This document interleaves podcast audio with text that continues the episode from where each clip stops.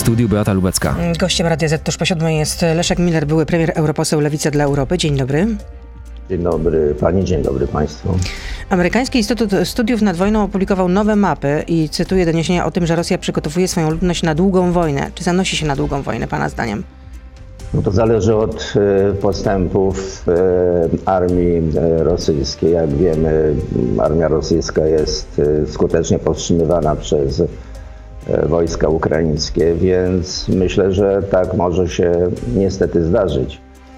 Dlatego, że mm, ten początkowy blitzkrieg, blitzkrieg na który liczył Putin, on nie ma żadnego uzasadnienia w praktyce, to jest zupełnie inaczej.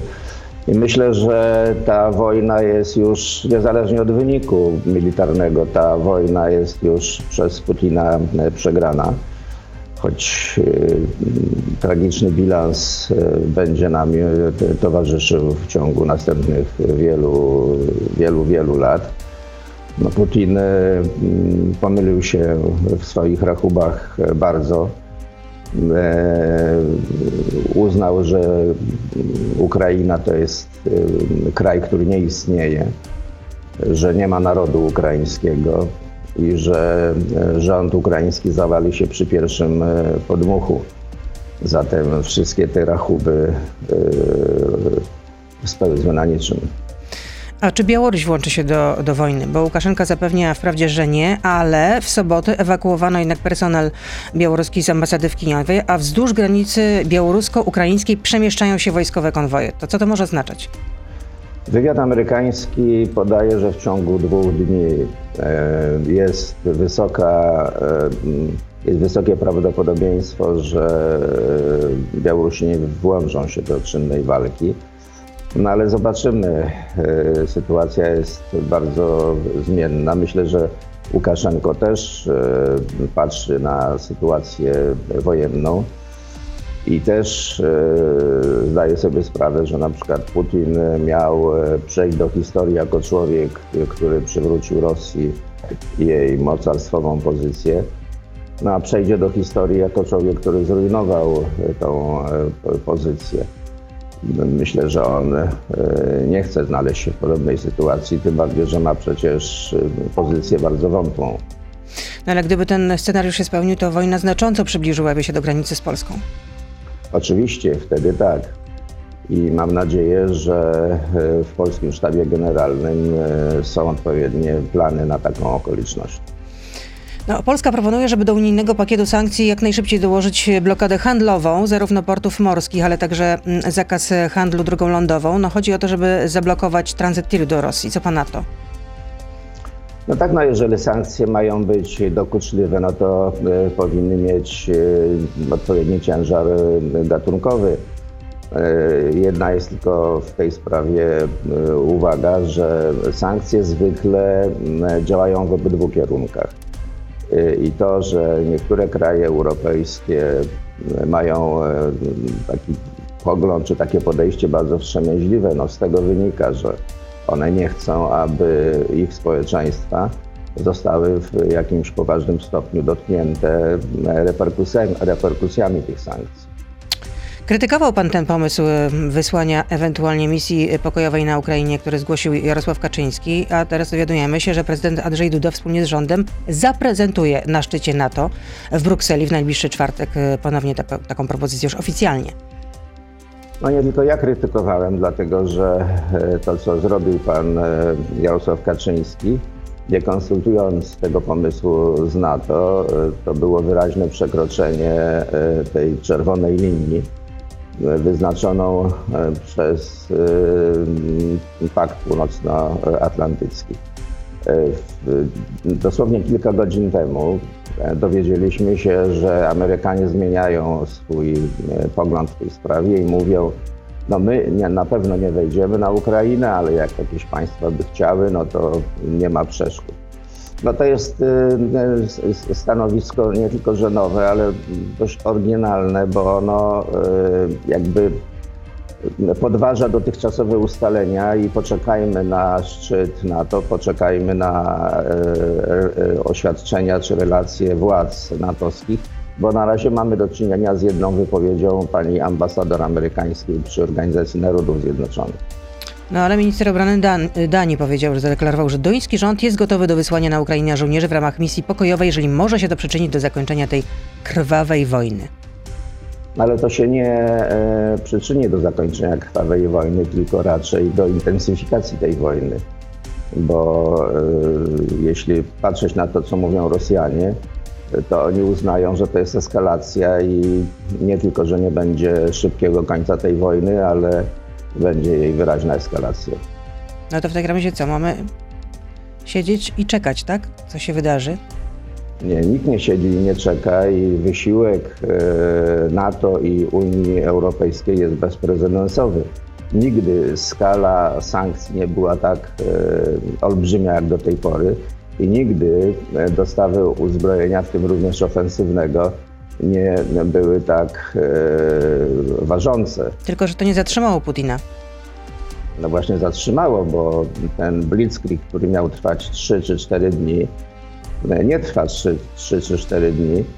E, I dzisiaj sytuacja armii ukraińskiej byłaby zupełnie inna, gdyby nie dysponowała tym wysoko E, technologicznym e, sprzętem, którym dysponuje właśnie otrzymanym ze strony państw e, NATO.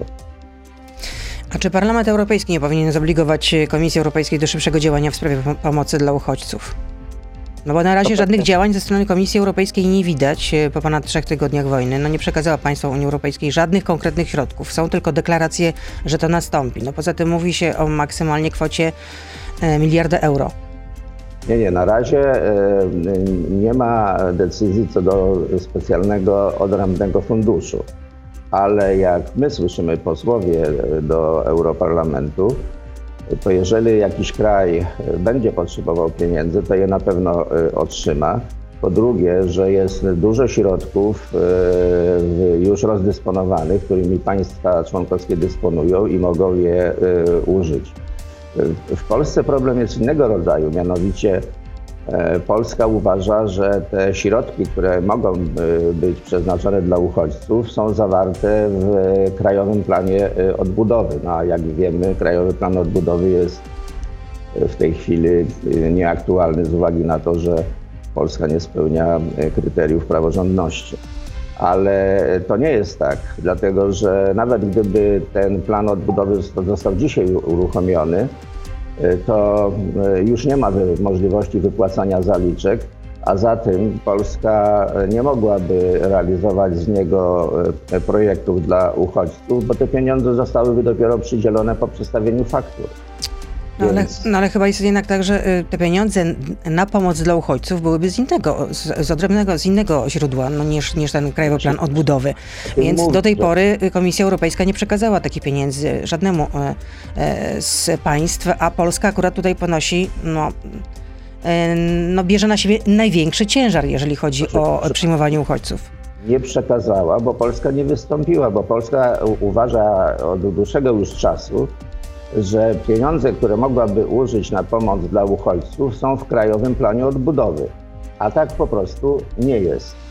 Więc y, jeśli Polska by wystąpiła z y, planem y, oddzielnym w stosunku do Krajowego Planu Odbudowy, no to wtedy nacisk na komisję mógłby być wybierany i na pewno te pieniądze by do Polski przypłynęły. Mhm, czyli to polski rząd musi się bezpośrednio zwrócić do Komisji Europejskiej, tak? Nie może biernie czekać. Oczywiście, jak zawsze. A czy powinna być relokacja zastosowana, y, mechanizm relokacji, bo polski rząd mówi, że y, no nie chce stosować takiego mechanizmu, absolutnie nie. No właśnie, więc jeżeli rządy, zresztą nie tylko polski rząd, ale kilka rządów europejskich nie chce mechanizmu relokacji, no to jeżeli rządy zainteresowane, które przyjmują najwięcej uchodźców, nie chcą mechanizmu relokacji, no to i tego mechanizmu nie będzie. No a czy Komisja Europejska jednak nie powinna blokować tych pieniędzy na Krajowy Plan Odbudowy? No to mają być pieniądze na, jak sama nazwa mówi, plan odbudowy, no przede wszystkim na wzmocnienie po pandemii.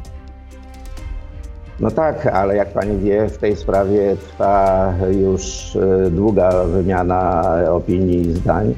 I Komisja Europejska jednoznacznie powiedziała i powiedziała to kilkakrotnie, jakie warunki Polska musi spełnić, żeby pieniądze mogły popłynąć do Polski. Po pierwsze, musi być zlikwidowana Izba Dyscyplinarna. Po drugie, wszyscy sędziowie zawieszeni muszą zostać przywróceni do orzekania.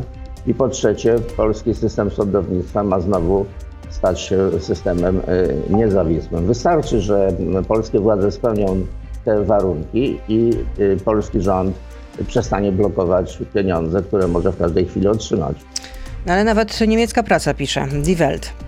Wojna w Ukrainie może być dobrą okazją do zaprzestania modnej obecnie nagonki na Polskę i pamiętania, że Polacy tak jak w 1939 roku czy 1980-81 znów nadstawiają karku za wolność nas wszystkich, za godność Europy i znów ponoszą większą wiarę niż my, Niemcy. Proszę Pani, e, to są dwie różne rzeczy. Wojna na Ukrainie to jest jedno, a przestrzeganie e, zasad, e, którymi kieruje się Unia Europejska swojej działalności, to drugie. To są dwa porządki, które nie powinny być mieszane. No to tyle w części radiowej. Leszek Miller z nami zostaje, od teraz już jesteśmy na Facebooku, na Radio ZPL, na YouTube, więc proszę zostać z nami. Beata Lubecka, zapraszam. Panie premierze, proszę powiedzieć, dlaczego zagłosował pan za rezolucją właśnie wzywającą Komisję Europejską do szybkiego wdrożenia tego mechanizmu pieniądze za prawo, praworządność? No właśnie dlatego e, przed chwilą o tym powiedziałem. Uważam, e, że nie ma żadnych powodów, e, aby Unia Europejska zrezygnowała ze swoich wartości i oczekiwań w stosunku do krajów członkowskich. Poza tym nieprawdą jest, co się w Polsce lansuje, mówię oczywiście o polityków i media rządowe, że to była rezolucja w sprawie sankcji dla Polski. To jest rezolucja, która obejmuje swoim oddziaływaniem wszystkie kraje członkowskie i tylko dwa kraje członkowskie. No tak, ale na cenzurowanym jest Polska i Węgry. I tylko dwa kraje członkowskie uznały, że to jest rezolucja, która E, może być dla nich zagrożeniem. To bardzo charakterystyczne, że z 27 krajów tylko dwa. No dobrze, ale czy to jest właśnie, czy, to jest ten właściwy czas, kiedy, tym, kiedy my się mierzymy z, z takim wyzwaniem, jak napływająca do nas ogromna fala uchodźców z Ukrainy? Czy to jest ten czas, żeby Polskę dyscyplinować? No ale ta sprawa działa się już przed y, wojną na Ukrainie, y, więc y, nie można powiedzieć, że wojna. Ale rezolucja została przyjęta już wtedy, kiedy wojna wybuchła, po wybuchu wojny. Przecież ale, to było no, prawie dwa tygodnie temu. Jak pani wie, spór e, Unii Europejskiej z, Polką, z Polską na temat praworządności ma już swoją długą historię. I nie zaczął się w momencie wybuchu wojny na Ukrainie. Ja rozumiem, że władze w Polsce chciałyby, aby ta tragedia na Ukrainie unieważniła wszystko inne. No ale tak y, nie będzie, dlatego że wtedy y, Unia Europejska by się po prostu rozsypała. Skoro nie obowiązują żadne zasady i wszystko można unieważnić, no to Unia Europejska nie ma racji bytu. No, Ryszard Terlecki, jeden z prominentów Prawa i Sprawiedliwości, wicemarszałek Sejmu i szef klubu e, mm, PiSu w Sejmie, na łamach tygodnika Nowochódzkiego Głos e, przekonuje, że i tutaj cytat, stronnictwo narodowej zdrady rozlokowane w różnych partiach i środowiskach nie składa broni, domaga się unijnych sankcji wymierzonych w Polsce za rzekome naruszanie praworządności, a w rzeczywistości za ograniczanie przywilejów i e, ukrócenie bezkarności rozpanoszonej grupy sędziów. Jak się pan do tego odniesie? E, Stronnictwo Narodowej Zdrady to, to są ci politycy, którzy nie chcą pieniędzy z Unii Europejskiej. E, dlatego, że to nie jest tak, że Unia Europejska blokuje środki. Te środki blokuje polski rząd, nie realizując orzeczeń Trybunału Sprawiedliwości Unii Europejskiej i nie realizując e, innych postanowień odpowiednich władz unijnych. Czyli Pana zdaniem Unia Europejska nie powinna tutaj odpuścić, tak? No, nie, nie, nie może tego zrobić, dlatego że wtedy się rozpadnie. Oczywiście ja, ja zakładam, wie Pani, że jakaś część pieniędzy z Krajowego Planu Odbudowy może zostać e, zwolniona, dlatego że tak jak e, obserwuję i szefową Komisji Europejskiej panią von der Leyen i innych przedstawicieli Unii Europejskiej, oni mają tego już e, dosyć, tego, tego bezustannego sporu i tego bezustannego konfliktu. I chętnie by te środki e, zwolnili, no tylko potrzebują jakiegoś gestu ze strony polskiego e, rządu. Też ile razy pani słyszała, że Izba Dyscyplinarna, dyscyplinarna ma być likwidowana? Wiele no razy. No i co? No, Nie. na razie jest kilka ust, projektów ustaw, które są w Sejmie, w tym ustawa, znaczy projekt ustawy Właśnie. prezydenckiej.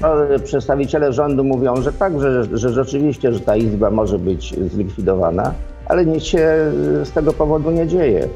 Więc To e, z Pana naprawdę- zdaniem to jest gra pozorów w takim razie cały czas? No, oczywiście, że tak. I myślę, że teraz e, będzie jeszcze dodatkowa pewność ze strony rządu PiSu, że skoro jest, e, dzieje się tragedia na Ukrainie, to Unia Europejska na pewno odpuści. Nie ma się co starać, nie ma co wychodzić naprzeciw postulatom Unii Europejskiej i tak dalej. Ale ja, ja zakładam, że jakieś środki zostaną zwolnione, oczywiście tam z pewnymi chyba jakimiś obostrzeniami, ale jest taki klimat, y, żeby no, zrobić jakiś krok. Y, Jak to będzie wyglądało w praktyce, trudno mi jeszcze w tym momencie powiedzieć. Co to znaczy, że jest taki klimat, żeby zrobić jakiś, jakiś krok? No, że y, urzędnicy y, unijni, ci na, najwyższego szczebla, oni no, chcieliby, żeby te pieniądze zaczęły do Polski płynąć. No i proszą polski rząd, no zróbcie jakiś gest, zróbcie właściwy krok we właściwym kierunku. To nam umożliwi odblokowanie przynajmniej części tych pieniędzy. No więc niech polski rząd wreszcie coś zrobi. No. No to jeszcze jeden cytat y, z marszałka Terleckiego, który wskazuje, że tutaj cytat właśnie w warunkach zagrożenia bezpieczeństwa państwa zdrada powinna być publicznie piętnowana, a najlepiej surowo karana. No tak, no więc ci, którzy nie chcą pieniędzy, no, powinni być poddani presji, być może również prawnej. Pytanie od słuchaczy. Bronisław pyta, czy rozmawiał pan kiedykolwiek y, z Putinem w cztery oczy? Cztery oczy nie, ale oczywiście, że się spotykałem, w tym również przede wszystkim jako polski premier. y, Odbywałem rozmowy i w Warszawie z Putinem, kiedy był, i w Moskwie, kiedy ja składałem oficjalną wizytę. No i jakie pan odnosił wrażenie? Wtedy wydawało mi się, że e, Putin jest y, typowym e, politykiem wielkiego mocarstwa, który uważa, że e, musi zapewnić swoim e, obywatelom jak najlepsze warunki, a swojemu państwu jak najsilniejszą pozycję. Ale wydaje mi się, że dzisiaj, czy od pewnego czasu, e, Putin już e, bardzo się zmienił. No, a widział pan ten wiec poparcia, czy nie, wiem, nie, nie wiem już jak to nazwać dokładnie, na stadionie w Łużnikach? Tak, widziałem oczywiście. No i co pan o tym sądzi? Wie pani, to nie jest problem, żeby w jakimkolwiek e, kraju zwieść kilkanaście tysięcy ludzi i e, zrobić z tego wiec. Myślę, że w każdym kraju można to e, zorganizować. Ale sądzi pan, że tych ludzi trzeba było tam zwozić, czy oni jednak tam przyszli e, na własne życzenie? Tak jak słyszałem wypowiedzi niektórych z nich, to mówili wyraźnie, że weszli do autobusów i przyjechali na wiec. Dlaczego SLD wstrzymało projekt Baltic Pipe? Kolejne pytanie od słuchacza. Nic ECL nie wstrzymało. A zwłaszcza Baltic Pipe, bo w tamtych czasach Baltic Pipe po prostu nie istniał. No pewnie chodzi jednak o te rozmowy z Norwegią.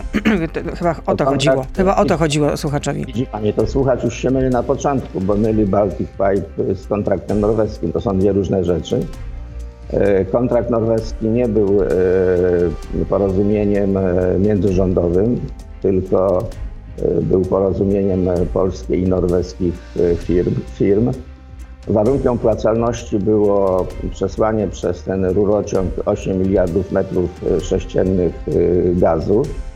Polska tyle nie potrzebowała, więc stanęło na tym, że Polska weźmie 5 miliardów, a 3 miliardy sprzedadzą Norwegowie.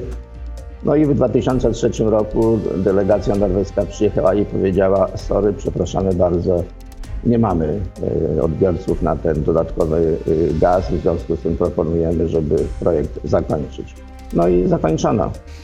Co takiego robi Lewica, aby wpłynąć na socjaldemokratyczny rząd Olafa Scholza w sprawie e, większych sankcji na Rosję i Białoruś?